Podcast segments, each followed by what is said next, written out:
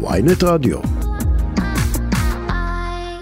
ואיתנו תת-אלוף במילואים פרופסור יעקב נגל, עמית בכיר, FDD, לשעבר ראש המל"ל בפועל. שלום לך. שלום ובוקר טוב. זה זה, נשמע זה כמו... טקס קבוע כן. של האמריקנים, או להפך זה, זה גינויים שלא ראינו בעבר, למשל העלייה להר הבית? אה, אני הייתי דרך אגב מבדיל בין שני הגינויים האלה. לגבי הראשון לא רוצה להתייחס, זה פוליטיקה. לגבי השני אני ממש לא מקבל אותו. אני, אה, מי ששמע אותי גם תוך כדי המבצע האחרון, אה, חץ, מגן, כל הדברים מגן וחץ. אה, יש מגן וחץ. אה, הר הבית הוא אחד המקומות הבודדים במזרח התיכון, אולי בעולם כולו, שם אני תמיד, גם כשהייתי ראש מעלל בפועל וגם בשנים האחרונות, ממליץ להיות בו אה, חכם ולא תמיד צודק. ולכן אני זוכר באמת בתפקידי, עוד מתקשר לשרים, למי שהיה לפני בן גביר, אומר לו, עכשיו לא עולים להר הבית, כי זה לא הזמן הנכון. ואז התשובות נגד, אף פעם זה לא יהיה הזמן הנכון. והתשובה היא לא. יש מקרים שבהם הוא הזמן הנכון, ישראל לא מוותרת על ריבונותה ועל זכותם של אזרחיה, אה, ושר בממשלה הוא אזרח כמו כל אה, אזרח אחר, לעלות להר הבית. רגע, אבל- אני רוצה לחדד-. אבל אני רוצה לחדד נקודה, פרופסור נגל. לכן תוך כדי המהומות, תוך כדי יום ירושלים זה, אם היו שואלים אותי, הייתי ממליץ ל- לשר בן גביר, ואני מקווה שזה מה שנאמר לו. ואכן הוא עלה. אתמול. לא לעלות, הוא עלה אחרי, זה לא פרובוקטיבי. הוא עלה להר הבית, לא יותר מדי, הוא לא עלה עטוף בדגל ישראל ומנפנף בטלית. כלומר, על אף הוא האזהרה שאתה אומר שצריך לנהוג בזהירות, אתמול בעיניך זה היה משנה זהירות, הוא גם יידע את כולם, והוא גם עשה את זה אחרי אה, היום הרגיש, יום ירושלים. האידאה זה פחות, הוא עשה את זה היום אחרי, אחרי הם היו רגישים. אני לא בדעה ששר בממשלת ישראל לא יכול לעלות להר הבית. ולכן הגינוי הוא לא במקום. אבל אה, מהיכרותך עם הדברים, איך זה עובד?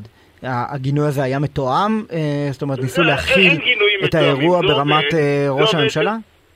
זה עובד שמחלקת המדינה, אני לא חושב שזה אירוע ברמת ראש הממשלה, זה עובד שמחלקת המדינה, שאנחנו יודעים שבתוכה יש אנשים שאוהדים את ישראל יותר ויש כאלה שפחות, אה, שלחה את הגינוי, אה, כמו שהיא מגנה דברים אחרים שקורים לפעמים נגד ישראל, לפעמים בעד ישראל.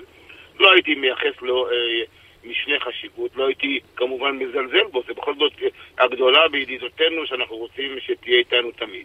אז היא גינתה את עלייתו של השר בן גביר, ל- אנחנו יודעים שחלק מגורמי הקואליציה הנוכחית אה, לא כל כך אה, אהובים או מקובלים ב- במקומות מסוימים בעולם. בסדר. אבל יש מי שאמר, אה, הוא דחה. לנתניהו את הביקור עוד קצת. אני לא חושב, עוד פעם, יש פה כל מיני דברים שאתם מנסים ללכת לפוליטיקה, אני לא חושב, אני חושב שהביקור הזה יקרה. אתם אז שואלים רגע, אותי מתי זה הוא לא יקרה? פוליטיקה, ההתקבלות- שואלים אותי- ההתקבלות של בוא, ראש בוא, ממשלת בוא, ישראל וישראל בכלל בוושינגטון, זה לא עניין פוליטי. אירוע מדיני. זה עניין אני- מדיני אני שמשפיע על ישראל. ויחסינו עם ידידתנו הגדולה ביותר. אני מסכים לחלוטין, לכן אתם שואלים אותי מתי ראש הממשלה יהיה בארצות הברית. אני יכול, אה, בואו תבדקו אותי בעתיד, אני בדרך כלל לא, לא מתנבא, אבל ההערכה שלי אומרת שבאזור ספטמבר, כאשר יש גם האו"ם. את אה, אונגה, את אה, UN General Assembly, אה, קרו הרבה מקרים בעבר, כולל שאני הייתי בתפקיד, שבמסגרת נסיעתו של ראש הממשלה לארה"ב הוא גם התקבל בבית הלבן בכבוד גדול, כולל בבלר האוס, כולל בהרבה דברים אחרים, ודנו, ודנו על הרבה מאוד דברים. יש על הפרק עכשיו לפחות שני דברים גדולים, שברובם, שבשניהם ישראל וארצות הברית לדעתי, לא, אני לא רוצה להגיד נמצאים על אותו דף, אבל... אבל חייבים את שיתוף הפעולה. אה, אחד, אני מניחה שהוא איראן. כן? אחד, אחד זה הנושא האיראני, אה, והשני זה הנושא הסעודי, והם כמובן קשורים אחד לשני. הנושא האיראני זה ההתנהגות האגרסיבית הבלתי הגיונית, התמיכה האיראנית ברוסיה, אה, הפרת זכויות אדם של האיראנים בארצם נגד נשים וילדים, נגד המוחים, הרג של אה, 500-600 איש כבר לפי הדיווחים שקיימים, וכמובן התמיכה שלהם בארגוני הטרור בכל האזור פה. אה, אה, איראן אה, דוחפת את ישראל לעימות רב-זירתי. אני לא בטוח, דרך אגב, שישראל עושה כל מה שצריך כדי לנצל את ההזדמנות. מי שראה את המאמר האחרון שלי, זה נותן לנו גם הזדמנויות לפגוע בפרוקסיס, בשלוחים של איראן מסביבנו, לאו דווקא בזמן שהם רוצים, או בגישה, או במידתיות שהם רוצים, כשהם מתנהגים אה, כלפינו באלימות, אם זה בצפון, כן, מדיניות התמנון שמדברים. עליה.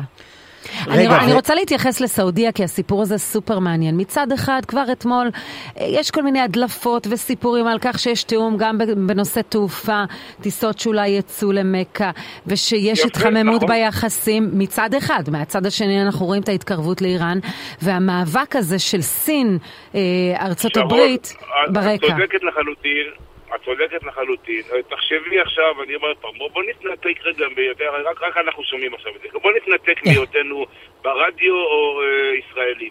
אם את היית MBS, איך היית מתנהגת? את רואה את ארצות הברית שמבטיחה כל מיני דברים, ואת רואה את ההתנהגות, אני קורא לה החלשה של אה, ביידן ושל משטרו, הוא אומר אני לא אתקוף, אני לא זה. אה, מצד שני, אני יודע שהם אומרים לאיראנים, שוב, לא רוצה להיכנס, אפשר אם יהיה זמן, על ה-90% העשרה או לא, ש- כמו שישראל מציגה, אני, אני מסתכל על זה כעל משהו סמנטי, אבל אה, לפני שנפרט את זה, הסעודים רואים את האיראנים חלשים. לצערי, גם שומעים ישראלים לא אחראים שאומרים כל מיני דברים על איך ישראל צריכה לנהוג ולמה אה, אולי נכון לחזור לאיזשהו הסכם או לא, למרות שזו טעות אה, טרגית תהיה, או אה, אמירות שהיציאה של טראמפ מההסכם הייתה טעות. הם, הם שומעים גם את הדברים האלה. איך את היית מתנהגת? הסעודים אומרים, אני אה, חייב לא לשים את כל הקלפים באותה קופה. כן. אני משחק על כל המגרש. אבל- לכן אני במקביל... אז זהו, השאלה אם הם- הם הם הסכם עדיין משחקים על כל המגרש? עם עם האיראנים, דוחף אצבע בעין של האמריקאים במיוחד. לא, בריאל פוליטיק אבל אתה צודק, אבל איך אפשר לעשות את זה? פרופסור אה, נגל, אה, להיות אם- גם וגם. אם אני- אם אני MBS ולפני יומיים התחבקתי עם אסד שם בג'דה, אני יכול מחר לעשות נורמליזציה עם ישראל? חד וחלק כן, ככה עובד העולם. מעניין. אנחנו, הבעיה, הבעיה הגדולה שלנו היא שאנחנו במרכאות עובדים בהיגיון. אבל אנחנו שוכחים שאנחנו עובדים בהיגיון שלנו, וההיגיון שלנו וההיגיון שלהם זה לא אותו דבר. ההיגיון הסעודי, ההיגיון האיראני, ההיגיון הישראלי וההיגיון האמריקאי. כל אחד מהם הוא היגיון אחר על פי דעתו. עכשיו, הסעודים אומרים, כן, אני אה, אה, מדינה, הוא מסתכל על עצמו כעל מעצמה, הוא לא רוצה להיות רק בנפט, הוא רוצה להיות במקומות אחרים, זה חלק מהסיבות שהוא רוצה להתקרב לארה"ב ולישראל.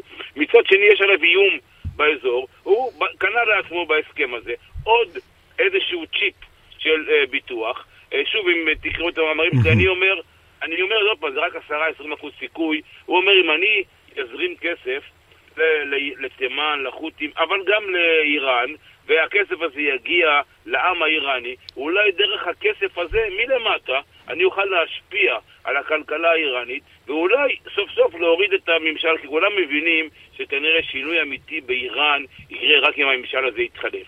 לכן MBS חושב רחב, ובהחלט העובדה שזה לא סוד, מתנהלים ברקע. מגעים, בעיקר בין סעודיה לארה"ב, אבל באופן עקיף אני מניח שגם ישראל מעורבת בהם, על כל מיני דרישות אה, סעודיות, חלקם אפשר לקבל, חלקם כנראה אי אפשר לקבל, חלקם גם הקונגרס האמריקאי לא יקבל, חלקם בטח ישראל לא תקבל, אבל זה מסוג הדברים. שחלים ברקע, ואני לא ראיתי בהסכם, שוב, חלקו הוא גם מסווג, לא יצא החוצה, אבל אני לא ראיתי בהסכם בין איראן לבין סעודיה אמירה שאומרת שלסעודיה אסור להתקרב לישראל או למישהו אחר. תת-אלוף במילואים פרופסור יעקב נגל, עמית בכיר ב-FDD, לשעבר ראש המל"ל בפועל. אה, רשמתי לי שבחמישה בספטמבר עצרת הכללית של האו"ם, אנחנו נבדוק אם אה, נתניהו יופיע. בוושינגטון ולא רק אני בניו יורק. אני מניח שתהיה שם ותסתכל על הפגישות שלו, גם בבית- הלבן וגם בניו יורק. הלוואי. אה, תת-אלוף תודה רבה. במילואים נגל, תודה רבה. מסתבר שאפשר... תודה רבה ובוקר טוב לכולם, תודה.